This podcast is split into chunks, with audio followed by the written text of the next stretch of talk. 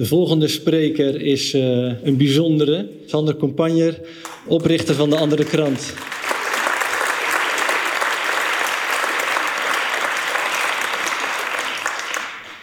Kijk, we hebben te maken met een onzichtbare werkelijkheid, waar weinig over gesproken wordt en waar ik het net over had. God, weet je, zo spannend. Er zijn zoveel oorlogen over geweest en zoveel spanning en daarom praten we er maar niet over. Terwijl het in mijn ogen het allerbelangrijkste is om over te praten. Maar, weet je, we kunnen niet voorbij gaan aan de tastbare realiteit. Nou, en als er één iemand is die dat goed weet aan te kaarten, is het wel Sander. Ik ben heel benieuwd naar jouw praatje.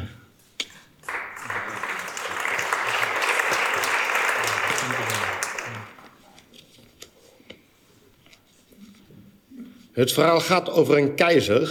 Deze keizer die woont in Davos en Brussel en Washington en Den Haag.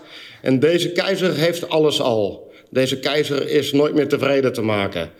En deze keizer wil toch nieuwe kleren.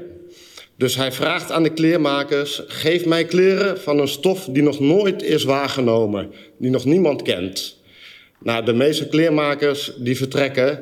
Maar enkele kleermakers, het zullen snappies geweest zijn, die gaan dit voor de keizer regelen.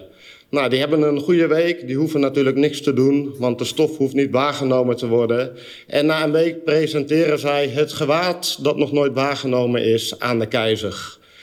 Ze doen dit met zo'n overtuiging dat de keizer niets durft te zeggen dat hij het niet ziet. Want wat hebben de snappies hem uitgelegd?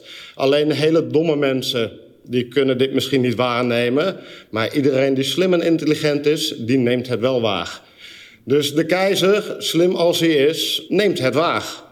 En daarna komen zijn hofdienaren die gevraagd wordt... wat vindt u van het gewaad van de keizer? Nou, de hofdienaren zijn natuurlijk ook geen domme jongens, dus die nemen het ook waar. En die prijzen de keizer om zijn mooie gewaad.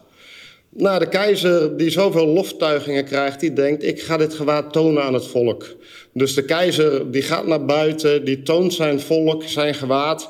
En het niet domme volk, die neemt het natuurlijk ook waar. Want wie wil er dom zijn? Tot er een kind, een eerlijk kind, het niet waarneemt. Want hem maakt het niet uit of hij dom of slim gevonden wordt. Hij ziet gewoon wat hij ziet. En constateert, de keizer loopt in zijn blootje. Waarna iedereen toch ook zijn eigen domheid moet toelaten en constateert van dat het kind gelijk heeft. De enige die het niet zal toegeven, dat is de keizer, want die is niet dom. Nou, dit verhaal kwam in de derde editie van de andere krant. Uh, we hadden een editie over 9-11 en het is een verhaal wat mij blijft treffen. Als het over waarnemen gaat, tot 2012 was ik overtuigd dat ik ontzettend goed waarnam. Ik was het beste geïnformeerd van iedereen die ik kende en daar stond ik mezelf ook op voor. ik keek uh, Nieuwsuur, ik volgde debatten. De mooiste avonden voor mij was debat aan de ene kant, Feyenoord aan de andere kant. En mensen begrepen dat nooit, maar dat vond ik de mooiste avond. Dan, ik was een nieuwsjunkie, ik volgde alles. En in 2012 kwam echt als een bominslag kwam het bij mij binnen. En 2012 is natuurlijk een bijzonder jaar geweest, hè, met kalenders die eindigen en beginnen wellicht. Maar toen kwam er zo'n bominslag bij mij binnen van ik heb helemaal niks waargenomen. Het zijn de kleren van de keizer die ik dacht te zien en ze waren er helemaal niet. En voor mij is toen ook meteen het denken gestart van hoezo neem ik dit nu ineens waar? Want ik kon me meteen herinneren, het begon met mijn 9-11 bankensysteem. Hè, de, gewoon heel materieel van um, zaken liggen anders dan ik eerder dacht. En ik wist ook meteen, hé, hey, maar ik heb ook al in 2008 een film van Fahrenheit 9-11 of zo van Michael Moore een keer gezien. Waar dit ook werd verteld en ik nam het toen niet waar. Dus dat maakte mij bescheiden in wat ik van de ander kon verwachten. Ten eerste had ik twee hele achteraf naïeve gedachten met betrekking tot het waarnemen. Ik dacht ten eerste, ik ga andere mensen dit tonen. Zij nemen dat waar met mij en dan kunnen we weer verder. Dan zitten we samen op hetzelfde pad. Nou, de eigen ervaring van een aantal jaren met 9-11 had mij, uh, wat ik begreep, En de ervaring die ik daarna had. Ik had heel veel, belang, heel veel drang om uh, mensen mee te nemen in dit verhaal. En ik kreeg heel weinig voor elkaar.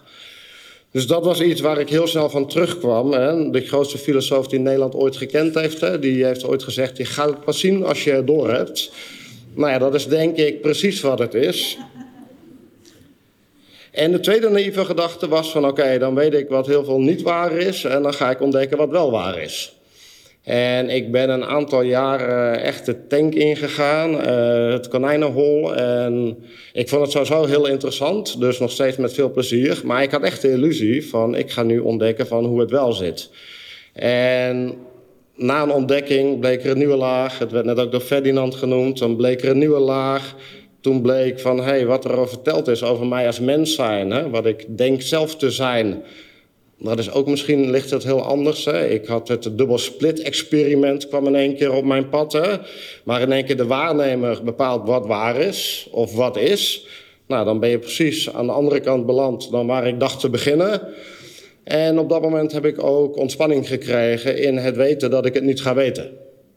Dus ik zal het in deze ervaring niet gaan weten. Ik ben heel benieuwd wat ik daarna weer allemaal ga weten. En um, hoe dicht ik ooit bij de waarheid kom. Dat er een waarheid is, daar ben ik van overtuigd. Maar omdat die te hoog gegrepen is voor onze beperkte zielen. Met de huidige zintuig waarmee we het voor moeten doen, daar heb ik ook alle vrede mee.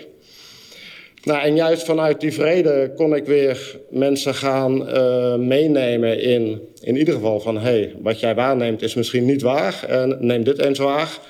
En zo is dus de krant ontstaan. En met de krant zijn we nu sinds anderhalf jaar iedere week bezig. En wat wij vooral ontdekken, wij kunnen mensen niet alleen meenemen in de heftige waarheid... maar we voelen ook een sterke opdracht om ze mee te nemen in de hele mooie waarheid... Nou, ik kom hier aan en het is voor mij een feest van herkenning als ik hier kom. En ik heb zoveel mooie mensen ontmoet de afgelopen periode, waar Ferdinand er één van is. En die hebben zoveel mooie dingen gemanifesteerd. En er is zo een nieuw bewustzijn, een nieuw collectief bewustzijn aan het ontstaan, naar mijn stellige overtuiging. En dat is iets wat wij ook, nou ja, wat wij waarnemen. Maar wij nemen het waar omdat wij er wat dichter in zitten.